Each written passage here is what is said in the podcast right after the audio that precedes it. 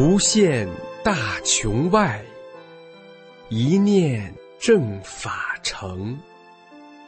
师尊慈悲愿，万物沐春风。请听明慧专题《一师恩》。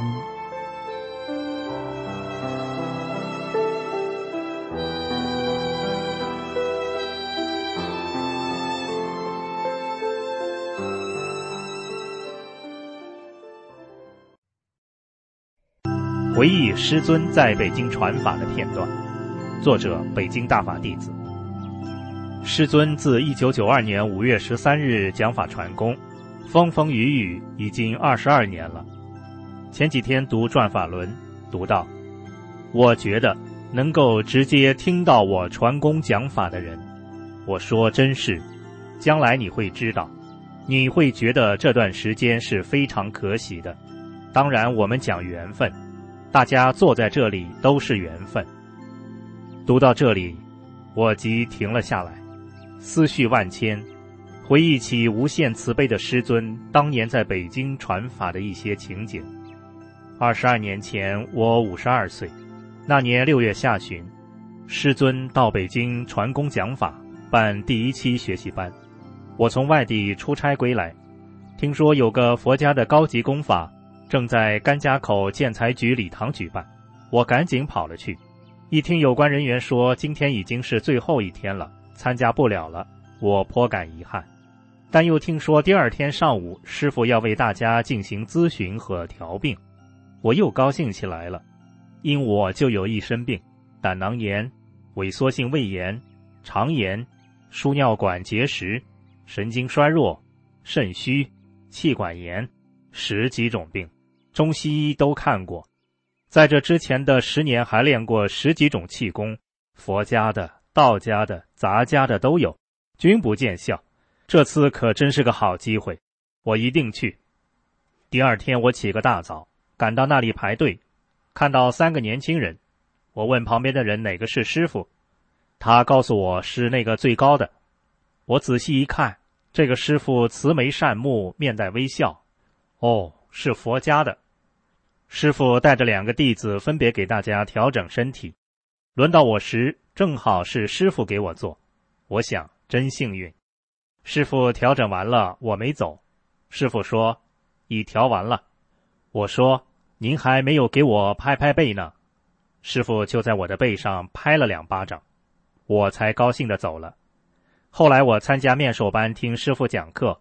师傅谈到给学员调整身体时，有的学员欠打，我就想到是说我呀，真感到汗颜。那天在回家路上，我就感到身体和以前大不一样，全身发热，特别是背上脊椎骨，简直可以说是发烫。这种发热的感觉延续二十天才逐渐消失。过去二十多年因严重的神经衰弱睡不好觉，当晚睡得可香了。我当时想，这个气功师了不得，第二期面授班一定要参加。我和老伴儿、儿子都参加了北京第二期传法班，在班上我聚精会神地聆听师尊讲法。我看到师尊慈祥耐心地给大家讲课，声音洪亮，还全程录了音。我一生中听的气功报告和讲座，少说也有五十次。从未听到过语言浅白但法理如此深不可测的讲座，深深感到过去练的那些气功真是小儿科，法轮功确实是在往高层次带人。坐在身旁一个开了天目的老年学员告诉我，老师的背景真美妙，是天上的玉宇楼阁呀，满场飞舞着雪花一样的法轮落在学员们身上。给大家调整身体，我当时心想，终于找到真正的师傅了。从这个班下来，我有两个巨大的变化：一是明白了我是谁，来自何处，应到哪里去，如何往高层次修炼，决心跟师傅一修到底，返本归真；再一个变化是，回家后上吐下泻，难受两天后，身体就出现了从来没有过的那么轻松。过去的那么多病一扫而光，真是像换了一个人似的。身心受益显著，我就决定，师傅再办班，我还要去参加。我先后参加了师尊在北京和外地办的好几个班，同时我在单位大院还组建了练功点、学法小组，还动员了不少同事亲友参加师傅的面授班。在以后的面授班中，主动参加一些服务工作，并广泛弘法。师尊传法已整整二十二年了，我和我的家人也跌跌撞撞的修炼了二十二年。三件事情我们也在做，但与同修比起来，做的实在太差。最近读转法轮，想了很多。亿万年来，师尊从宇宙最高层带领众神层层下走。创世传大法，救度苍宇众生。二十二年前能有缘聆听师尊多次讲法，那段时光可喜，而且更感责任重大。特别是要在最后的时刻救度更多的众生，完成自己的历史使命。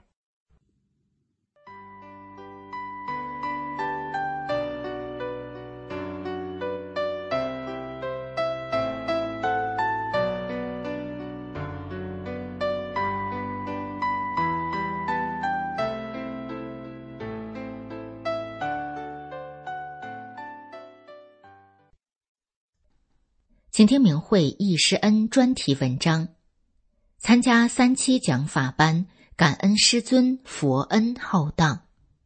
作者：中国大陆大法弟子。文章发表于明慧网，二零二一年六月三日。时光已过去二十六个年头，每次回想见到师尊，倍感殊胜万喜，仿佛是在昨天。在修炼路上。弟子一次次遇到危险，一次次被师尊化解救起，佛恩浩荡，弟子感恩之心无以言表，唯有修炼如初，勇猛精进，加倍努力。弟子含泪跪拜师尊。今天想把遇见师尊的美好时光写出来，与同修分享。第一部分，参加湖南郴州讲法班。一九九三年，我有幸参加湖南郴州、广州第四期、第五期三个讲法班。五月郴州班在中国女排训练基地开班，开始上课了。我是最后进场，一进院子门，看见一个人的背影正在看简介。我想这就是师尊吧，心中有一种亲切感、幸福感。迅速走到后排，在位子上坐好。心想一定要给师尊留个好印象。师尊开始讲课，很多学员在扇扇子。师尊叫学员把扇子放下。不一会儿，一股股凉风习习吹来，太神奇了。第二天，很多学员都往前挤，我也跟着跑到前面去了。师尊一讲法，大家都回到自己座位上去了。郴州天气很热。上课时，师尊说：“这么热的天，下一场雨不好吗？”突然下了一场雨，一下子天气凉快了许多。当时天气预报并未有雨。师尊代工讲法，清理每一个学员的身体。有一个女学员从我面前经过，忽然晕倒在地。此时大家都在静静的听法。过了一会儿，女学员醒来了。自己从地上慢慢起来了，一下子就好了，像换了一个人似的，非常高兴。最后一堂课结束时，师尊让全体学员都起来，师尊喊口令，让我们跺脚，先跺左脚，再跺右脚。同时，师傅用手一挥，给学员驱病，然后师尊在讲台打大手印，转法轮。我感到身体里有东西一下子被揪出去了。身体中被揉进许多东西，轻飘飘的，出了一身汗，美妙无比。下课了，大厅很热闹。我个性孤僻伤感，又陷入这个状态。我想，谁会知道我呀？这时，师尊从我身边走过，我立即向师尊问好。我说：“李老师好，我来时，我母亲让我代他向您问好。”师尊说。好好，并向我家的方向望了一眼，隔了一千多里给我母亲清理了身体。我回来后，我母亲说，她当时就感受到了。我跟师尊握手，师尊没有一点架子。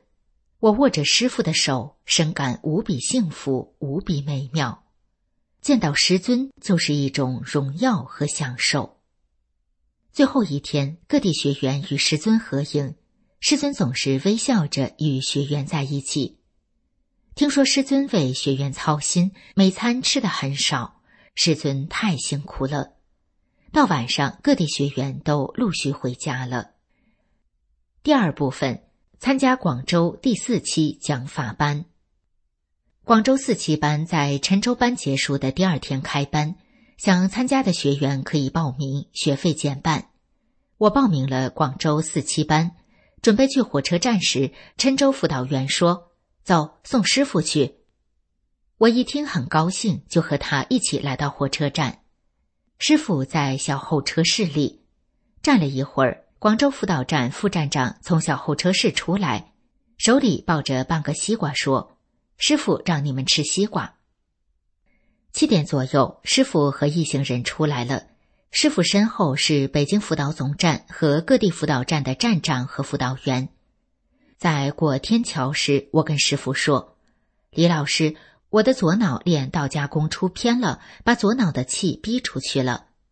师傅说：“你别管。”我以为师尊没听清，又跟师傅说了一遍。师傅说：“你别管。”我以前练过道家功出偏了，头痛的很厉害。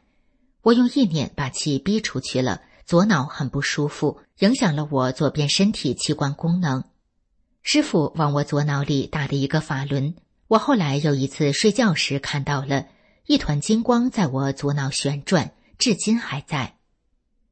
当晚的火车晚点了，还没进站，师傅向火车方向望了一眼，说：“没座位了。”火车进站了，车一停，乘务员把头伸出来喊道：“没座位啊！”师傅一行上了车，沿途十几个小时只有站票。广州第四期学习班在第二天开课，师傅太辛苦了。第二天在广州市政府礼堂开班，后转到广州军区礼堂。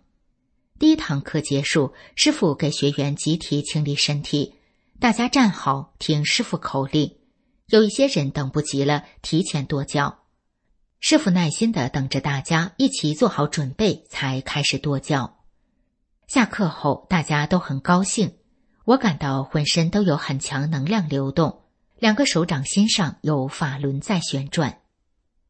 在广州第四期学习班上，据说世界各地有法轮功学员也来了。我看到了香港学员，有一位香港辅导员的侄女十三岁，坐轮椅八年了，师傅给他清理了身体，他不相信已经好了。他回家后确实好了，这个辅导员很感激师傅。下课时，师傅看着学员回住所，并嘱咐学员：“心生慈悲，面带祥和之意。”最后一节课，师傅耐心回答每一张字条。师傅为每个学员在操心。第四期学习班结束时，我在礼堂台阶看到师尊，我赶紧过去说：“李老师，我们麻城大法弟子盼望师傅去麻城。”师傅说：“好好。”我又一次与师傅握了手，我看着师尊，师尊两眼射出一股能量，打到我心里，我心里一震，很是慌乱，一下子就好了。原先心痛的东西一下子就好了。回到住所，我突然莫名哭起来，也不知为什么，就是想哭。第三部分，参加广州第五期学习班。广州第五期班，这次我弟去了很多同修，我也去了，又要见到师傅了，我太高兴了。整个广州城天空晴朗，洋溢着节日的气氛。开了天幕的同修看到一个大法轮照在整个广州上空，常人看到了一个银盘在广州上空。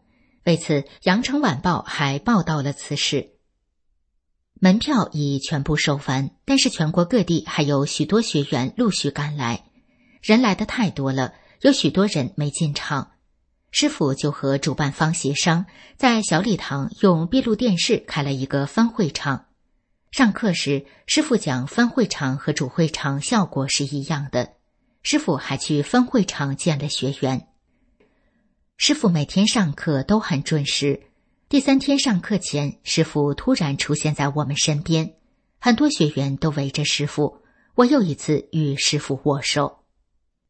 每当回忆起见到师傅，都感到无比幸福，激励着我更加精进。让我们握住师傅的手，勇猛精进，跟师傅一起回家。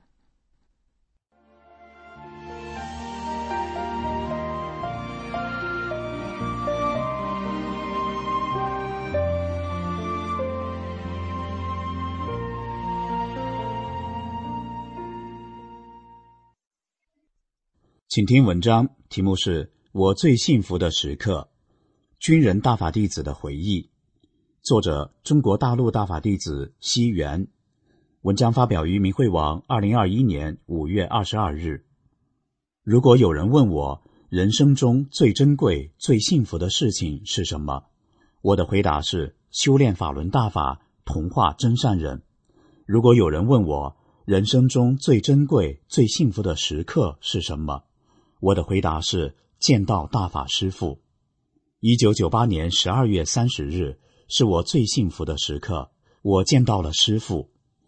我是一名军人，那一天天气晴朗，风和日丽，和往常一样，清晨五点，我们在军校体育馆练法轮功五套功法。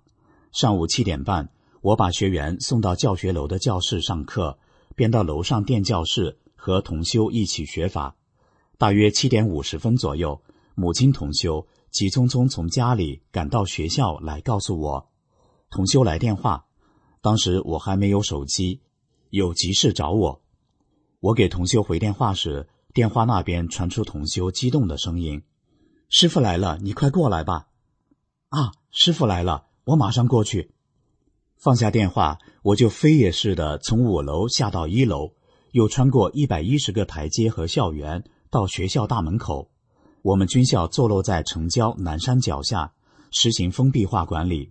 校园门口严禁机动车行驶。可那天我跑到大门口时，却正好有一辆出租车下客，就像专门在此等我一样。我搭上出租车，畅通无阻的快速赶到同修家。在同修家的二楼大厅，我看到慈悲伟大的师傅正端坐在沙发上。大约七八十名本地区辅导员围坐在师傅周围，聆听师傅讲法。阳台上和房间里都坐满了学员。同修把我安排在师傅的正对面就坐，中间仅隔着一个茶几。我进去后，先向慈悲伟大的师傅敬礼，然后就在师傅的对面坐下听师傅讲法。当时由于见到了师傅，心情十分激动，眼睛光顾的看师傅。我还看到很多同修在不停的流眼泪，以至于师傅讲法内容没记住多少。印象最深的是，师傅伸出左手食指，指尖朝上，右手掌心横在左手食指上方，给我们讲什么是天和另外空间的法。我是属于封闭着修的那种人，平时经常听到身边的同修讲看到另外空间的神奇事，可我什么也看不到。对这些名词只是懵懵懂懂的知道一些概念上的意思，但那一刻我真切的感受到了另外空间的真实存在，感受到了天体的宏大、宇宙的深邃和法轮大法的博大精深，使我的世界观、人生观、价值观发生了根本的转变。师傅讲完法后，问大家有没有问题可以提问。说实在的。我平时真有很多修炼中不懂的问题，也经常和同修在一起交流，而且记忆深刻。但不知怎么的，真的在师傅面前却绞尽脑汁，什么也想不起来，感到大脑里是一片空白。因我一直在想应该提什么问题，也没听清前几个同修提了些什么问题。这时会场上十分安静，大家不约而同的把目光转向了我。我鼓起勇气，语无伦次地向师傅请教了一个问题，大意是：由于我是大法修炼人，每当我对学员点名、讲评和讲课时，军校每天都要对学员进行点名、讲评，常会引用大法的内容，但我又不能说这是我师傅说的话。这样讲可不可以？师傅用手指着身后，我们军校正是在师傅手指的方向，师傅都知道。大意是说，无论如何，对人进行正的、好的方面的引导和教育，还是有好处的。师傅从上午七点一直讲到下午两点多钟，中间没有休息片刻，也没喝一口水。听辅导站的同修说，师傅下午就要赶到另一个城市，师傅就要离开我们了。大家都依依不舍地跟在师傅身边，都想送师傅到车站。这时，辅导站的同修决定，这次请在场的所有的军人送师傅到高速路口，没穿军装的军人。和其他同修都不让送。我数了一数，在场的有二十几名军人，陆海空三军都有。我是海军，其中穿军装的有十几人。我打听到师傅乘坐的是面包车，就想坐的离师傅近一点。这时我脑子里想的都是怎么样才能和师傅靠得近一些。于是我就在车里车外到处找师傅，看到车厢后面有一群人围在一起说话。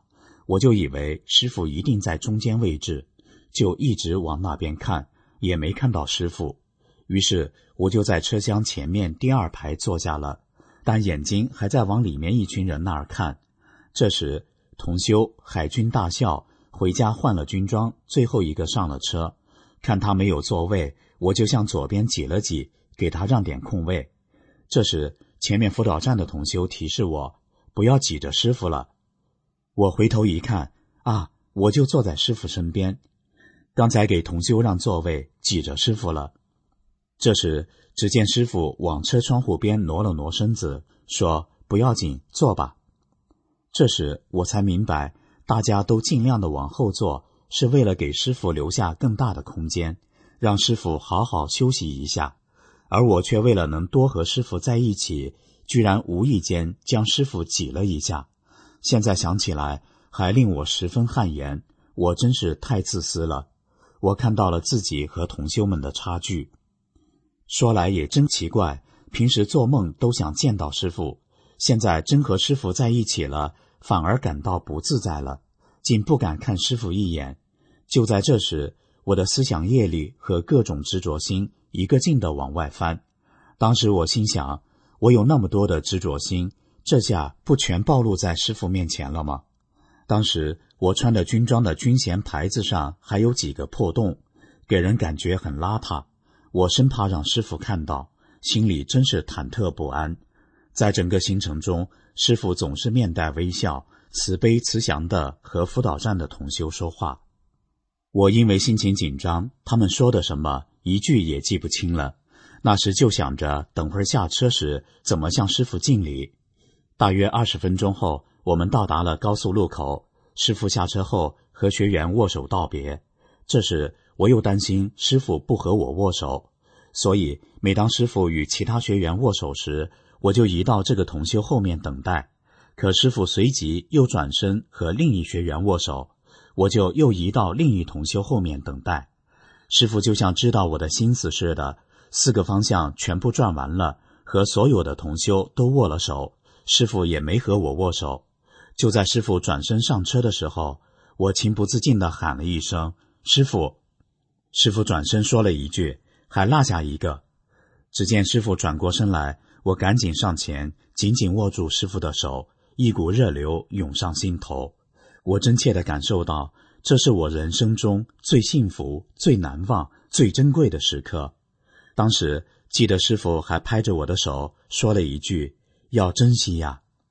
因心里高兴和紧张，这句话没听清。后来回忆起来，觉得师傅是对我说了这句话。师傅上车了，我们全体军人同修整齐列队，向慈悲伟大的师傅敬礼，一直到看不到师傅的车影，才依依不舍地离开高速路口。这一刻，我的心情无比的激动，望着师傅乘车的背影。从心灵深处喊出了我一生中的最强音：“师傅啊，别落下我！”我要跟您回家。转眼二十二年过去了，我也走过了二十六年的修炼历程。在法轮大法的修炼中，我每时每刻都感受到师傅对我的鼓励和鞭策。我深刻的体会到，要想不被落下，要想跟着师傅回家，在任何时候、任何情况下，都必须踏踏实实的按照师傅和大法的要求，坚定实修，做好三件事：同化真善人，珍惜自己。勇猛精进，修炼没有任何快捷方式。感谢慈悲伟大的师傅，感谢同修的支持与帮助。